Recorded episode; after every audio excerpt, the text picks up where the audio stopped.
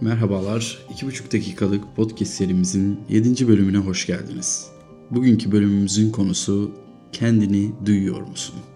Hayatın akışında karşılaştığımız bazı olaylar ve geçmişten gelen travmalar duygu ve davranış düzenimiz üzerinde baskı oluşturabilir kişinin potansiyelini ortaya koymasını ve pozitif yönde ilerlemesini engelleyebilir. Bu engellerin üstesinden gelmek için başvurulabilecek etkili tedavi yöntemlerinden biri kognitif davranışçı terapidir. Bu yöntemin temel taşları olay, düşünce, duygu, davranıştır. Örneğin küçük bir çocuk evinde şiddete şahit olursa bu durum onun zihninde güçlü ve negatif bir iz bırakabilir. Olayın yaşandığı an çocuğun düşünce yapısında ilişkiler güvenli değil ya da sevdiklerin her an zarar görebilir gibi genelleştirilmiş inançların oluşmasına neden olabilir. Bu düşünceler zamanla çocuğun dünyasında korku, endişe veya güvensizlik gibi duyguların sürekli hale gelmesine yol açabilir. Duygusal tepkileri çocuğun çekingenlik, aşırı kaygı hali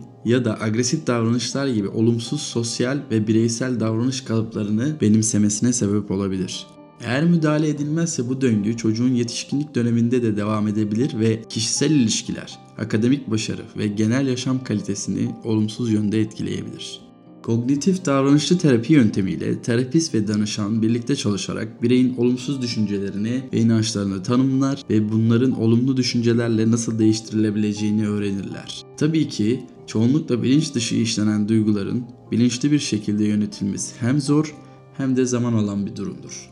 Hayatta her şey gibi herhangi bir pozitif kazanımın oluşturması istikrar, sabır ve tahammül göstermenizi gerektirir. İnsanın kendini anlaması, beynindeki düşünceleri doğru raflara yerleştirmesi ve kendine merhametli olması en önemli yolculuktur diye inanıyorum. Dinlediğiniz için teşekkürler. Bir sonraki bölümde görüşmek üzere.